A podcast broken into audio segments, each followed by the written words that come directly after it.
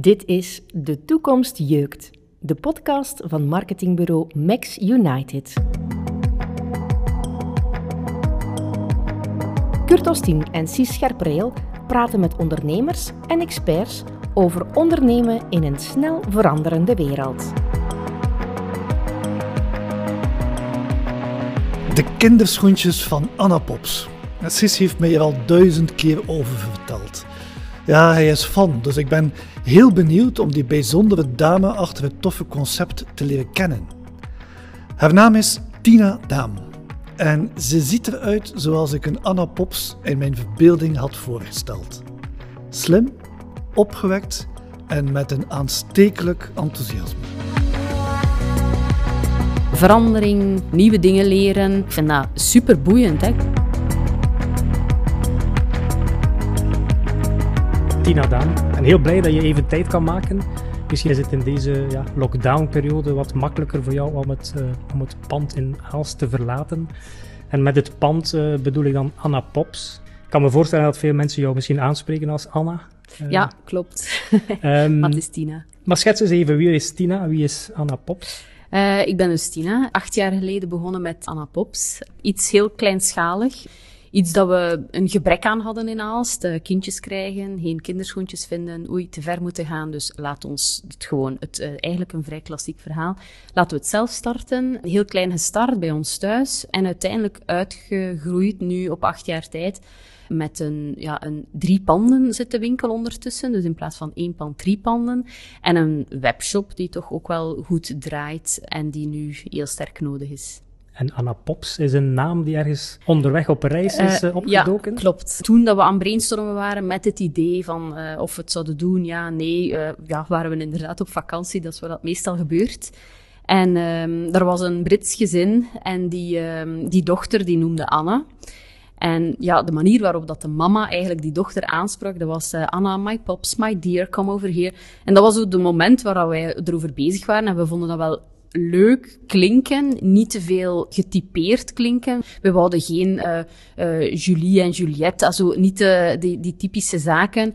En het bektegoed was internationaal, dus ja, weet je, laten we dat. Maar je beseft niet de impact van de naam als je dat start. Dus achteraf bekeken is een goede naam. Het is, het is een die onthouden wordt, wat dat ook eigenlijk niet onbelangrijk is. Je blijft zagen, hè? Ja. ja. Uh, en met het kleine verhaaltje erbij is dat nog, nog interessanter, ja, nog voilà, leuker, voilà. uiteraard.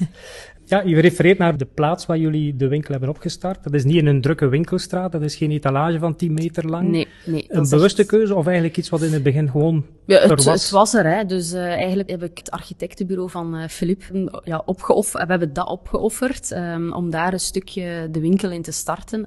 Um, dus het was de gemakkelijkste en de goedkoopste oplossing. En inderdaad op een B-locatie, want uh, wij liggen net buiten het winkelkerngebied. Maar niet slecht achteraf gebleken ook wel, die B-locatie. We wisten wel dat we onmiddellijk door die B-locatie online moesten aanwezig zijn. Dus wij zijn eigenlijk heel sterk gaan inzetten op Facebook destijds, acht jaar geleden. Wat dat ons dan nu echt wel geen windeieren legt, omdat we die basis echt wel goed, uh, goed gebruikt hebben. Maar het was de goedkoopste oplossing. Het was de oplossing met het minste risico. Bij ons thuis, we moeten niks schuren, laten we gewoon goederen aankopen en eens testen of het werkt. Dat was een beetje, met die insteek is het bij ons thuis ge, gestart. Ja. Heb je heel snel dat Facebook-verhaal opgestart? En, en, en onmiddellijk. shop ook? Ja, uh, onmiddellijk het Facebook-verhaal. En ik denk ongeveer, de eerste collectie niet, maar vanaf de tweede collectie. We zijn gestart met de wintercollectie in augustus. En ja, we voelden wel dat dat ingewikkeld was via Facebook. Weet al die vragen, goh, dan ligt hier toch een ballast op u. Laten we dan nu een keer ergens, ergens zetten en dat je heel wat gemakkelijker kunt het onmiddellijk aankopen. Dus vanuit Facebook is dat eigenlijk vrij snel gegroeid. En dat was toen nog met Wix, maar met de beperkingen van Wix, dat was nog heel, heel, heel simpel. En dan zo zijn wij begonnen.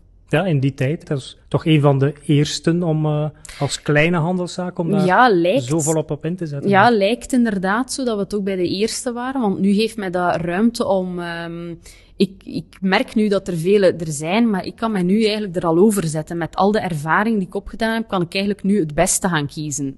Dat merk ik nu wel. Maar bij ons was dat puur door die locatie gekomen. Wij wisten van, wij hebben hier inderdaad geen etalage.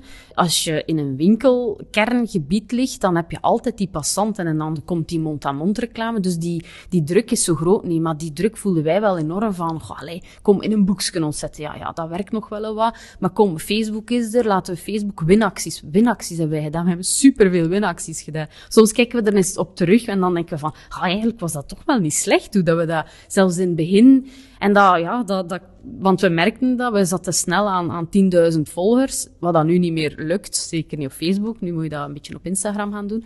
Maar dat heeft ons er wel toe aangezet om dat digitale verhaal gewoon niet bewust zijnde van, dat wordt de toekomst eigenlijk niet. Ja. En hoe beslagen was je zelf dan met, uh, met Facebook en dat soort dingen? Um, ik uh, hou van efficiëntie. Ik hou van goh, digitale, denk ik ook wel. Um, nu na acht jaar voel ik dat ik zelfs meer naar die richting uitga dan, dan echt het pure winkelgebeuren. Maar vooral, ja, Facebook, dat is iets voor dummies. Hè. Ik vind dat vrij simpel. Dat is een beetje zoals een Apple. dat sla je open en je kunt daarmee werken, je kunt daarmee aan de slag. Dus dat was bij Facebook ook wel het geval. Wat dan natuurlijk een stuk moeilijker is, is inderdaad het adverteren en zo. Dat, dat besef ik ook wel. En daar wil ik dan wel, maar ik wil mij daar ook wel voor scholen en ik wil mij daar ook wel in opleidingen in zoeken en zo. Maar op zich ging dat wel. Tina is een bezige bij. Je voelt het aan alles. Ze zit boordevol plannen. Maar hoe zou een doorsnee dag van Tina eruit zien? Ik, ik, doe het nog, ik doe nog heel veel zelf. Ik zeg het, waar, waar dat ik nu met de winkel vooral sta, is dat voor mij alles veel efficiënter en geautomatiseerder moet. Dus mijn dag bestaat vooral uit het zoeken van hoe gaan dingen beter, hoe gaan dingen sneller, samen met zoeken naar leuke spullen, dat zit er ook tussen, dus die afwisseling is er wel. Um, maar ik doe het digitale verhaal wel volledig zelf, behalve dan de input van de, van de artikelen, omdat dat al een, een vrij gestandardiseerd uh, iets is. Dus die artikelen erop zetten la, laat ik mij uiteraard in helpen. Um, en ik heb ook een heel goede jobstudente, Laura, die mij marketinggewijs, omdat zij het ook gestudeerd heeft, marketing, wel ook veel... Ik leer van haar, maar zij leert ook wel van mij, doordat ik het, eh, de ervaring heb vanuit de praktijk. Maar wij steken elkaar enorm goed aan. Dus dat voel ik wel. En ik voel ook wel dat ik ermee wil blijven mee zijn. Uh, want als zij iets zegt, of als ze zelfs iets op school heeft gehoord, stuurt ze het mij door. Dan lees ik dat even. En ze merkt ook van, ja, dat gaat Tina zeker interessant vinden. Dus, en omgekeerd ook, um, als ik een boek heb. Uh, ik heb nu bijvoorbeeld uh, in een over content marketing. Ik leen haar dat ook uit, dat ze echt wel volledig mee is. En ze zegt dat ook, hier heb ik zoveel al geleerd in de praktijk. Op school is dat toch nog altijd heel, heel theoretisch. En ja, dat, dat vind ik er eigenlijk wel boeiend uit. Dus, dus mijn dag zit vooral achter de computer. Ik zeg het, heel veel klantenmailverkeer merk ik. Dat is misschien ook nu een beetje te wijten aan, aan corona, maar wij hebben een heel betrokken winkel. Dus we zitten heel dicht op de klant. Dat is iets wat ik natuurlijk de klant heb laten gewoon worden. Waar dat ik misschien soms nu wel een beetje zoiets heb van, ik wil mij er ook wel een beetje uittrekken of iemand anders daar kunnen verantwoordelijk voor stellen, maar dat is nu een moeilijk punt. Een beetje groeipijn toch wel. Dus nu is het natuurlijk ook veel uh, pakjes inpakken uh, met de coronatijden. Mij laten inspireren door andere mensen moet zeker ook altijd wel een keer op mijn dag passeren. Dat kan met een artikel zijn, dat kan met uh, iemand die belt of, of dat ik zelf even een telefoon in handen neem en, en iemand bel. wat doe ik nog allemaal? U noemt daar straks groeipijnen. Wij noemen dat jeukende toekomst. Dat is iets positiever misschien. ja. Vandaar ook uh, onze podcast. Maar ik, ik heb ook ter voorbereiding even, en dat doe ik heel vaak, uh, even uw LinkedIn-profiel bekeken. Ja, ik er denk, is nog werk aan. Ja, um, dat is vaak een wat onderschat uh, medium. Ja, hè? Dat is maar toch geef je daar een stukje identiteit bloot of, of ja, bewijs je ergens van wie ben ik en waarvoor sta ik. En ik ga een fragmentje lezen hoe het bij jou staat. Ik weet niet of je het wel uh, goed, nog goed weet wat je erop geschreven hebt.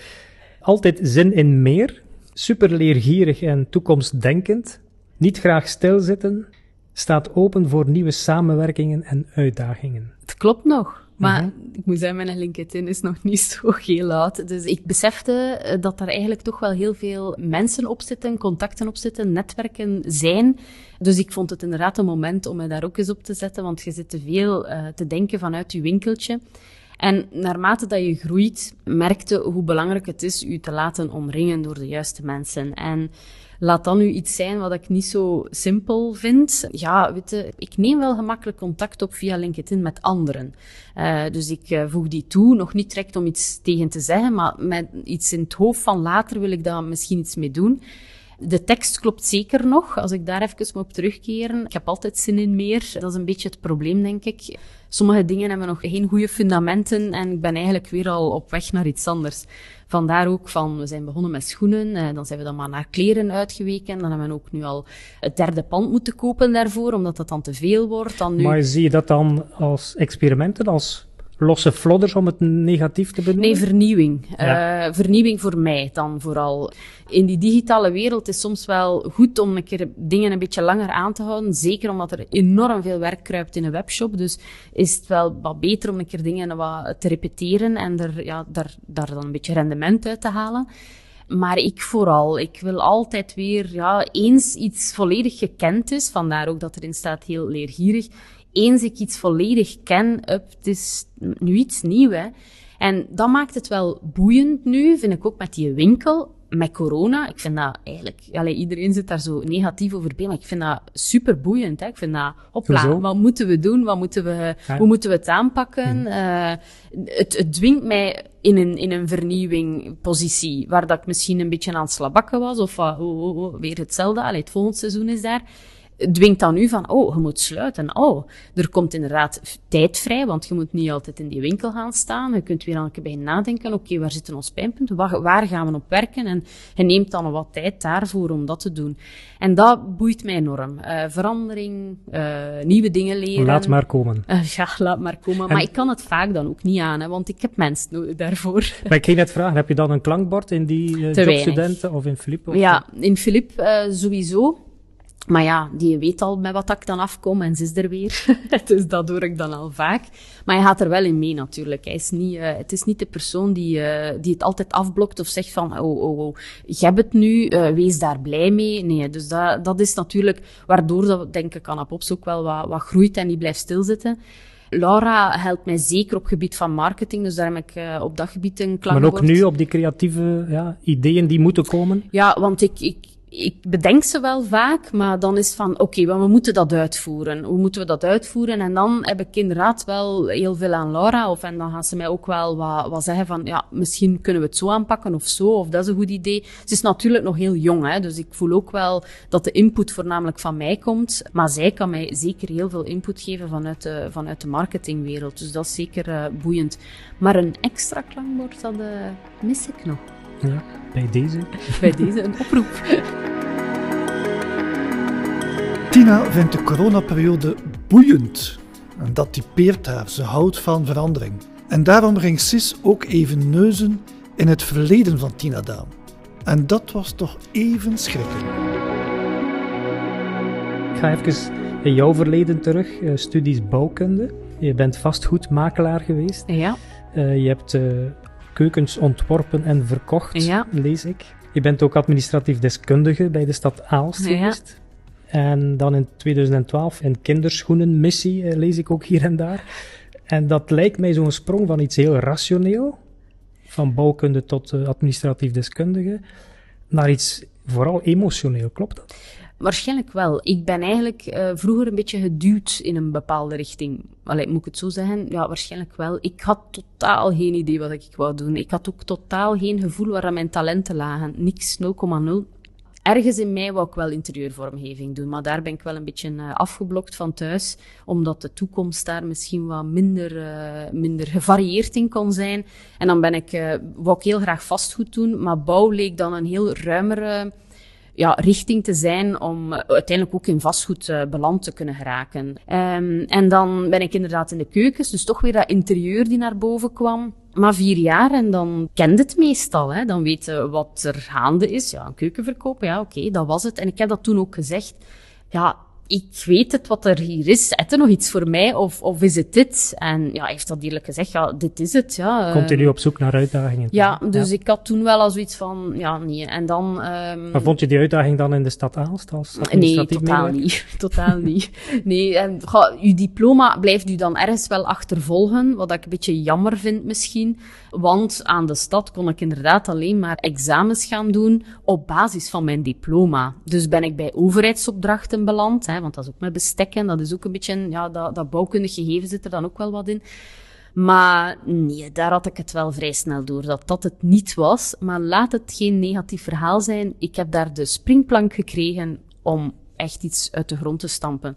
Dus ik ben van daaruit deeltijds gaan werken, deeltijds de kinderwinkel opgestart, kindjes gekregen hebben een beetje. Ik zeg altijd, mijn, mijn leven is zo uh, gebouwd rond um, hoe, dat, hoe, hoe, dat je eigenlijk alles moet aankopen. We, we hadden een huis nodig. Ik heb vastgoed gedaan. We hadden een keuken en badkamer nodig. Ik ben dan maar in de interieur gegaan. Dan, goh ja, je hebt kinderen, laat ons even settelen. Hè, ambtenaarstatuut, misschien niet slecht, maar dat leek toch precies iets te rustig te zijn. Klopt het als ik, um, als ik de stap naar Anna Pops als een emotioneel gebeuren beschouw? Um, goh, emotioneel, in, in, welke zin bedoelde dat dan? Ik bedoel, het gaat om, om sfeer, om emotie. Het gaat om kinderschoentjes, kindjes blij maken, mama's blij maken, oma's blij maken. Mm, nee, ik denk dat dan eerder vanuit een, een, eh, een, een nood is. Um, en een gevoel dat dat wel zou kunnen werken omdat het ontbreekt. En dat was dan in Aalst. Het was er niet. Allee, het was er wel, maar niet het type uh, schoenen die wij zochten.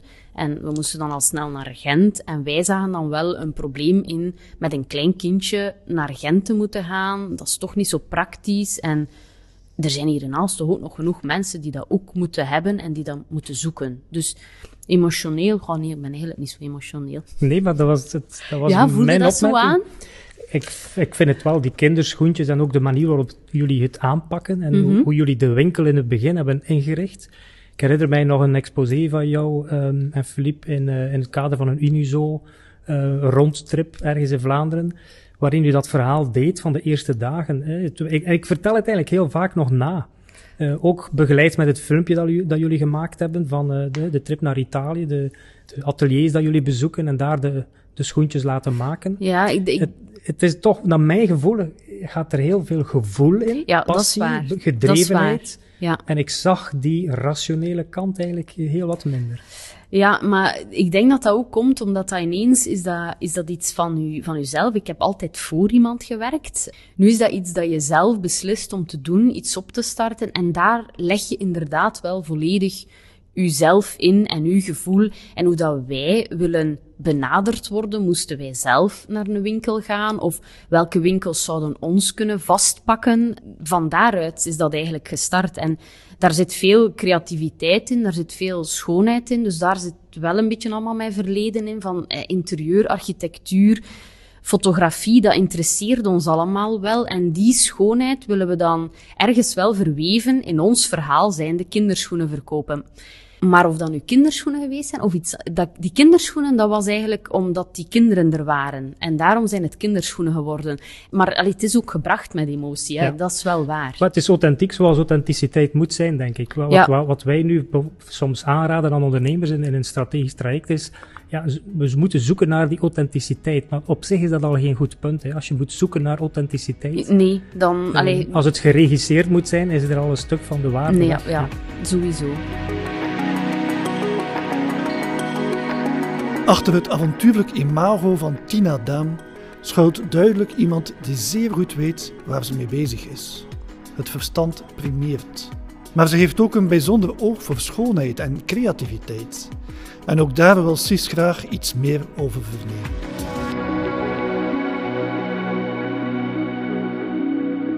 Jullie personaliseren schoentjes. Eh, Vertel eens daar iets meer over. Ja, dus um, we, zijn, we gaan vooral in zee met Italiaanse en uh, Spaanse merken, omdat die eigenlijk, ja, die kunnen nog best ook schoenen maken. Die lederen schoen, de kinderschoen, dat is allemaal niet zo simpel, die leesten, dus dat laten we echt wel volledig aan hun over. Maar wij kunnen wel heel sterk personaliseren. Uh, dus kleuren veranderen, zolen veranderen, veters veranderen, dus wij kunnen echt een schoen volledig maken naar onze wens.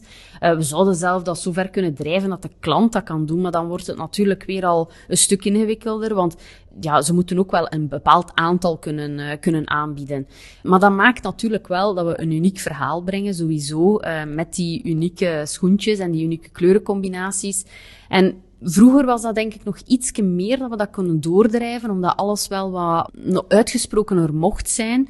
De dag van vandaag moet het wel weer wat, maar dat is de mode natuurlijk, hè, een beetje soberder zijn, waardoor dat we minder dat experimentele er kunnen insteken. Maar ik kan daar wel mijn ei kwijt dan in de combinatie met de kledij en zo. Dus ik merk in die schoenen ver, vermindert dat wel wat, maar we blijven nog echt wel, want we worden nog altijd enorm benaderd over onze, ja, amai, bij jullie vinden toch schoentjes die je, ja, en dan zeg ik, ja, maar dat is omdat we ze ook zelf samenstellen, dus je vindt ze nergens anders. Of vaak dat ze vragen van, uh, deze schoen, uh, komt die nog terug binnen? En ik zeg van, ja, nee, dat productieproces is redelijk lang en ik moet daar dan ook wel redelijk veel van bestellen. En dan zeggen ze gewoon van, en dan zeg hij, ah, waar kan ik ze nog vinden? Ik zeg, ja, nergens.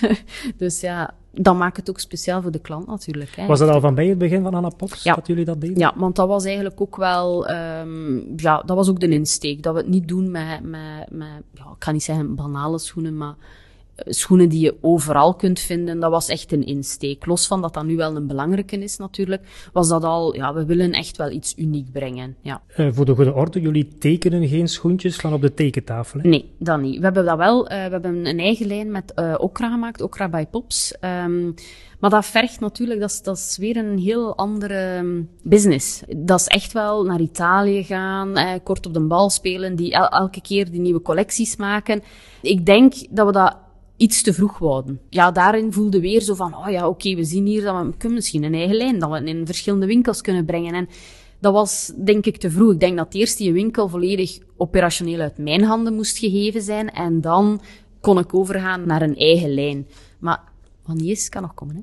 Die Busy Bee, ja, dat ben je wel helemaal. Hè? Want ik kan nog zo'n lijstje opnoemen van zaken die je hebt opgestart, of die nu lopende zijn. Uh, Alsta Meilag, of ah, nee, als het aan mij ligt. Ja. Hè? Uh, schets dat eens, wat is Grappig dat dat, je er weer over begint, want ik ben er weer mee bezig. als het aan mij ligt is uh, WIP in 2016, dacht ik, de eerste editie um, gelanceerd. Eigenlijk weer omdat wij op een B-locatie liggen, omdat wij merkten dat we heel veel door de website op dat moment, heel veel klanten van verder weg kregen in de winkel bij ons, merkten we van, wat verdikke, maar jong, die komt echt van in Kortrijk naar Aalst voor een paar schoenen. Ik vond dat chapeau, oké. Maar ik, ik vond dat ook enerzijds erg dat ik alleen ik er was voor hen om, om die perschoen en dan weer naar Kortrijk rijden. Zonde, hè. Laat ons misschien ook iets meer van Aalst ontdekken. Laat ons ook een toffe koffiebar ontdekken, uh, een, een mannenwinkel, een vrouwenwinkel. Dus laat er een dag van maken, laat het iets meer zijn dan enkel Anna Pops. En vandaar kwam het en dan was dat altijd, zei ik van, ah ja, of, of ze vroegen het zelf dan soms, hè, waar kunnen we nu nog iets eten? En dan begon ik op een post-it te schetsen, haal anders naar daar, want ja, ik lig dan niet in het centrum, dus het was niet zo simpel. En da, vandaar is dan het idee geroeid van, ja, ik moet een stadsplan hebben. Ik moet een plan hebben waarbij dat ik dat mee kan geven aan de mensen, dat ze dat kunnen erop tekenen en dan gewoon, up, easy, hè. hier is die koffiebar, je kunt daar naartoe gaan en uh, vandaar het Aalstameilig-plan. Maar ja, dat vraagt, en, en dat is, want dat is gezegd van, ik heb hier een Hans lijstje dat kan overlopen. Dat is ook een beetje een pijnpunt bij mij ik heb heel veel ideeën, maar dat uitvoering, oh, daar, daar, daar moet altijd iemand zijn die mij daar een beetje in meetrekt van, ah, oké, okay, nu gaan we dat uitvoeren, nu gaan we die mails opstellen, we gaan iedereen benaderen, we gaan... Er is ook nog veel meer als dat, eh, dan alleen maar het idee bedenken, dan is er natuurlijk die volgende stappen. En soms betrap ik er mij op dat ik te veel ja, uitdenk en dat ik het dan Je bent uiteindelijk... een perfectionist, hè? Dat hebben er mij al veel gezegd, beseft het niet, maar blijkbaar moet het ergens wel zo zijn, ja. Ja. Maar goed, dat is een mooie eigenschap. Dan is er ook geen halfwerk, denk ik. Ja. Toch? Uh, nog een aantal andere dingen. Misschien niet allemaal heel, heel super concreet. Alhoewel, deze wel. Uh, Repops. Vorig jaar opgestart. Ja. Duurzaam ondernemen. Vertel ja. daar eens, uh, wat is dat? Um, dus wat dat wij merken is, um, wij, wij zijn zeker voor duurzaam ondernemen. We verkopen ook iets um, duurdere, dus ook duurzame kledingmerken. En wij merken natuurlijk kinderen groeien uh, soms iets te snel naar het stuk dat je gekocht hebt. En omdat het stuk natuurlijk nog duurzaam is, kan het perfect een tweede leven krijgen. Um, wat we merken is dat we ook een winkel zijn, niet voor iedereen zijn portemonnee. En ik, um, ik waardeer dat en ik vind dat ook niks. Maar ik merk ook wel dat er heel veel mensen de stijl mooi vinden en dat ze het eigenlijk wel willen aankopen. Dus ik had zoiets van, ja, oké, een tweede lijn, waarbij dat wat goedkoper is. Dat kan ik de klanten die het wel kunnen betalen, die kopen het aan en ik ontzorg hen ook ergens door hun kledij die ofwel te klein geworden is, of, hoe dat je draait of keert, als je een klein beetje een modebeestje in je hebt, wil je ook wel een beetje vernieuwing, ook al is het misschien niet altijd nodig. En dan kunnen zij die nieuwe dingen kopen, maar zij kunnen hun oude spullen aan mij geven. Die krijgen een tweede leven in de winkel. En daar krijg ik een nieuwe klantenstroom op, op die repops. En uiteindelijk is dat dan ook weer ja, een, een toffe combinatie tussen uh, oud en nieuw en maak je duurzaam. Hè. En dat vonden we er een heel goed idee aan. Ja, dus en, repops. En, en het, uh, tevreden over? Ja, ja, ja. Het, het, uh, het werkt, hè, want de mensen die uh, komen het ook al spontaan binnenbrengen. Het zijn natuurlijk wel een aantal regels om het te komen binnenbrengen, want ik ben geen tweedehandswinkel, want dan moet ik eh, soms nog wel, wel wat vertellen. Um, want daar komt ook wel heel wat administratie bij kijken, dat bijhouden van wie is van wat. En dus ik kan niet mensen die met één stuk of met twee stuk, ja, dat is moeilijk te, te managen. Dus het moet, het moet echt wel eigenlijk al een echte Anna Pops een koper zijn om ook je spullen te komen brengen. Dus dat is een beetje een eerste vereiste om het te kunnen managen. We doen het enkel met de soldeperiode, omdat we ook een beetje anti de vele, vele, vele kortingen die er zijn, omdat het ook niet uh, rendabel is zoveel kortingen geven. Ik wil kortingen geven op het moment dat het nodig is. En de spullen die ik ook vind, die werken totaal niet bij mij. Ik heb mij daarin miskocht. Ik, um, of dit is echt niet, uh, ja, niet, niet goed, dat, dit moet weg. Dan geven we kortingen. Maar niet zomaar kortingen geven omdat je voelt dat je je spullen niet kwijtraakt. Misschien heb je dan iets te veel aangekocht. Ik, ik denk daar toch wel heel wat sterker bij na. Dus die solden willen we een klein beetje meer afbouwen. Maar Repops kan er wel een, een soort van tegenbeweging op zijn. Want wij hebben ook wel mooie spullen die iets goedkoper zijn. En um, dat, dat brengt uh, omzet, nog niet voldoende. Het is nog geen rendabel model. Dat willen we wel uh, rendabel krijgen. Maar daarvoor moeten we strategisch wel ook een keer zien van moeten we daar ook niet digitaliseren om het nog wat meer naamsbekendheid. Voorlopig is het nog wat te veel marketingverhaal, maar het moet echt wel een, een, ja, een echt waardevol verhaal, een rendabel verhaal worden.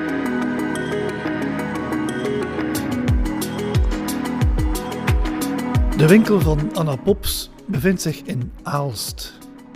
Hoe staat zij tegenover de populaire term lokaal? Ja, dat is heel belangrijk. Want ons geld moet in België blijven.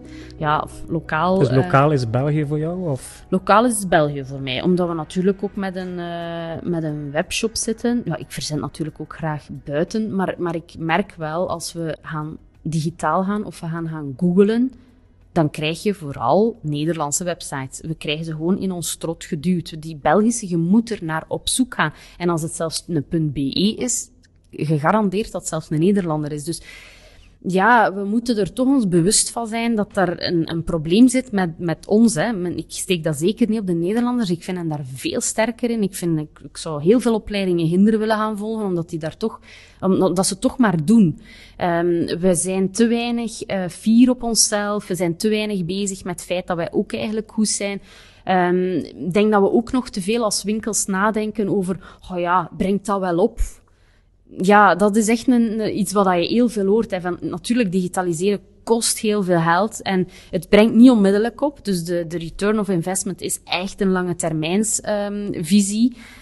En ik denk dat ik daar het voordeel heb dat we natuurlijk acht jaar geleden er al mee begonnen zijn. Dus dat ik echt wel besef van, ja, het brengt op. En deze sluiting, dat doet mij heel veel pijn, want ik verlies heel veel omzet. Ik heb die winkel echt wel nodig. Um, maar toch merk ik dat dat digitaliseren er gewoon bij hoort om te zeggen, ik ben er, ik ben er gewoon. En ja, het lokaal shoppen zit er nu wel, wel heel sterk in door, door, uh, door corona. Dus laat ons dat ook nog als een positief verhaal zien van, uh, van, van corona. En ik, ja, ik, ik ben ervoor omdat we natuurlijk alleen op die manier kunnen, uh, kunnen investeren in vele andere dingen, hè, zoals mensen. En dat sluit bijna naadloos aan bij de volgende term. Co-creatie of, of samenwerken. Ik, ik hou wel van samenwerken, maar ik zit in de verkeerde branche, heb ik het gevoel daarvoor. Uh, ja, de, de retail is nogal vrij concurrentieel en de retail is ook nogal vrij op zichzelf. En ik geloof dat kruisbestuiving u veel meer opbrengt dan die, dan die ene klant die toch maar een keer die bestelling bij die andere geplaatst heeft en niet bij u. Eh, die kruisbestuiving is, is um, dus zowel het digitaliseren als de kruisbestuiving is denk ik nu de toekomst. Ik ben er heel sterk voor. Ik zoek het natuurlijk nog nu iets te veel in de, in de andere branches, zoals dat ik bijvoorbeeld met Sim van Bustiek Lingerie samenwerk, omdat ik natuurlijk, ja, zij doet lingerie, ik doe kinderschoenen en kinderkleding. Het is niet in elkaars vaarwater. Maar ik voel wel dat dat nog altijd een moeilijke is. Ik, ik zou graag, en, en ik, de grote spelers, zoals als Torfs en JBC, die doen dat eigenlijk wel veel meer. Die, doen, die kopen samen aan om betere voorwaarden te krijgen, maar die kleintjes, die blijven alleen maar naar elkaar kijken van, oei, die doet dat, oh ja, ik ga het ook doen. Ook met solden, hè, of met kortingen geven. Hè. Ja, die doet gratis verzending, ja, ik zal het ook maar doen. Ah ja, want anders gaan ze allemaal naar daar gaan ik denk dat we zo bekrompen niet mogen zijn en dat we echt wel veel, veel, veel meer moeten samenwerken. En dat we daardoor ook helemaal van boven in Google komen te staan door dat samenwerken. Je verwijst naar Nederland. Ben je al, uh, ja, heb je daar al inspiratie gehaald voor uh, een of Ik krijg vooral veel inspiratie van, van uh, merken, Nederlandse merken die we zelf verdelen. Riposa MS is daar echt een voorbeeld van, hoe sterk dat die gegroeid is op zo korte tijd. M mijn mond valt daarvan open, hoe dat die dat doet. Ik denk ook dat ze in Nederland heel wat gemakkelijker mensen rondom hun kunnen verzamelen. Dat dat, dat, betaalbaarder is. Ik, ik weet het niet goed. Maar echt, die groeit, die groeit, die groeit. En dat gaat echt van een merk dat ze naar een eigen winkel gaan, dat ze dan ook beginnen met hè, duurzaam ondernemen, met het, met het tweedehandsverhaal. En die doen het dan ook nog goed. Die werken het echt volledig tot op het einde uit. En daar kijk ik enorm, enorm van op. Waar kijk ik niet op van Nederland, is dat prijs gewoon daar het enigste belangrijke ding is. Ja, want ik merk dat ook aan de outlet. Ik verkoop die vooral aan Nederland. Ja, dat is goed en niet goed, maar dan mist Nederland. Hè. Het feit dat ze ja, toch een beetje die smaak en dat, dat iets duurdere dingen ook wel vaak betere dingen zijn, dat kunnen ze daar niet. Maar ze gaan vooruit. Ze gaan vooruit, ze doen, ze durven. Ze, wij denken eerst 500 keren na. Hm, zou ik het doen, zou ik het doen? Ja, als je het zoveel nadenkt en dan nog een keer met tien mensen overlegt, ja nee, dan ga je het niet doen. En zij gaan gewoon. Hè. En mislukt het, dan mislukt het. En daar kijk ik enorm op van Nederland. Dus ik zou misschien of ik moet even gaan wonen, denk ik, om dat zo volledig... Ja, misschien even onderdompelen. Ja. Ik had het in een vorige podcast ook over uh, Nederland, België. Waarbij dat de Belgen eigenlijk ja, het land beploegen en eigenlijk naar beneden kijken om dat stukje land dat ze hebben ja, te, te bewerken. Terwijl de Nederlanders, handelsreizigers zijnde, uh, zo hoog mogelijk komen te staan om zo ver mogelijk te kunnen kijken. Ja. Ik denk dat die metafoor... Dat is een dat, hele goeie. Dat die wel opgaat. Hè? Ja. ja. Tina, we zijn uh, bijna aan het einde gekomen van het gesprek. En dan stellen we eigenlijk onze gesprekspartner altijd één vraag. En dat is eigenlijk die blik op de toekomst. Waar jeukt voor jou de toekomst het meest? Voor mij is dat mij kunnen losrukken van het operationele van de winkel. Dus het er toch minder en minder uh, fysiek aanwezig zijn. En het, uh, de projecten die allemaal in het hoofd zitten en spelen uit te werken en echt uh, vorm te geven. Waarbij dat nu nog vaak een beetje te oppervlakkig blijft of zo een keer iets werpen is, maar het niet uiteindelijk consequent doorvoeren dat eigenlijk uh, uitvoeren. Dus dat is, voor mij de grootste uitdaging, um, ja, die, die ik echt wel op korte tijd wil realiseren. En ik vind dan nu de ideale periode, omdat we zo die, die pozekes krijgen door, um, door corona. Natuurlijk, ja, de omzet, ja, daar wilde ook altijd mee stijgen. Maar nu is er zo precies een klein excuusje die zegt van, oké, het ligt niet alleen aan u, er zijn nog nevenfactoren. Dus laat het even los en probeer de tijd te benutten en die dingen te doen waar dat je altijd een beetje mee struggelt of altijd maar overvalt. Want ja, dat frustreert ook. Hè. Dingen bedenken, maar niet uitvoeren, dat frustreert natuurlijk. Hè.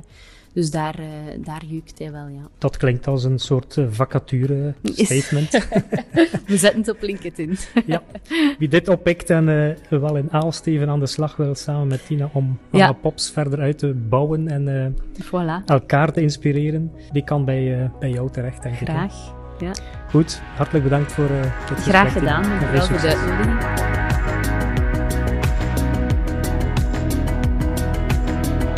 Tina heeft met Anna Pops een duidelijke identiteit gecreëerd. Ze had ook het lef om zeer snel de digitale kanalen aan te boren. En zoals ze zelf zegt, dat brengt op. Ze bouwde een voorsprong op. Ze heeft een oneerlijk voordeel. En daar draait het om bij slim groeien. Benieuwd of jij ook over dergelijke troeven beschikt? Zin om slim te groeien? Boek dan een klankbordsessie op www.maxunited.be.